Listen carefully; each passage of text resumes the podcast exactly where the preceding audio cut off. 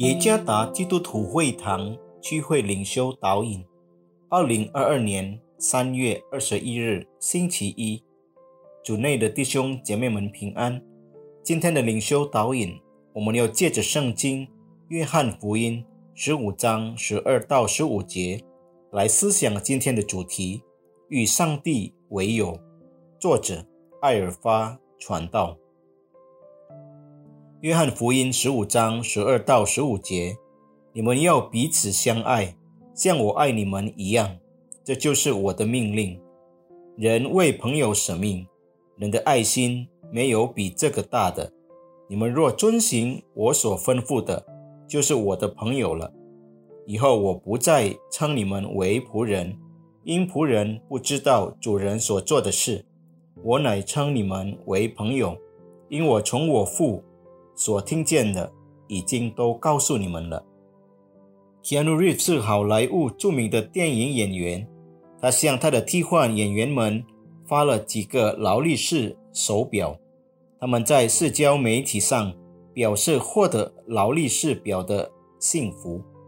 看到他们的幸福，让我想成为 Keanu Reeves 的朋友，因为很不错嘛，可以得到名贵的手表。的确，我们是渴望。有朋友存在的人类，不操纵和勒索我们钱的朋友，我们渴望一个对我们给予回报并给予关注和喜爱的朋友的存在。对于渴望有好友存在的人来说，这是个好消息。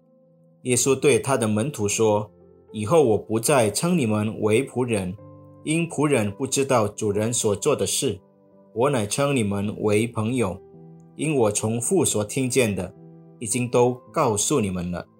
作为我们的朋友，耶稣做了什么呢？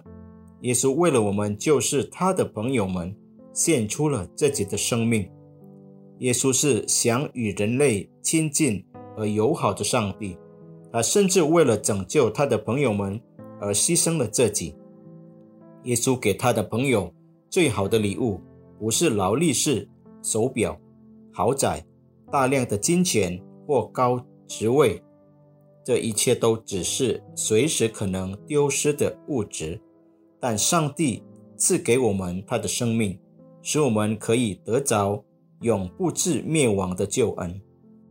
上帝已对我们宣告友谊，我们是否接受了呢？名叫做友谊，当然不能只从一方。如果只有一方爱，而另一方不爱，那就叫希望，也就是片面的爱。交朋友是双向的交通，从上帝而来的宣告与我们的回应，这就像掌声只能用两只手才能发生。上帝愿意成为我们的朋友，他是最好的朋友。我们是否想与上帝成为朋友吗？有意发生。在两个亲近与亲密的人之间，愿上帝赐福弟兄姐妹们。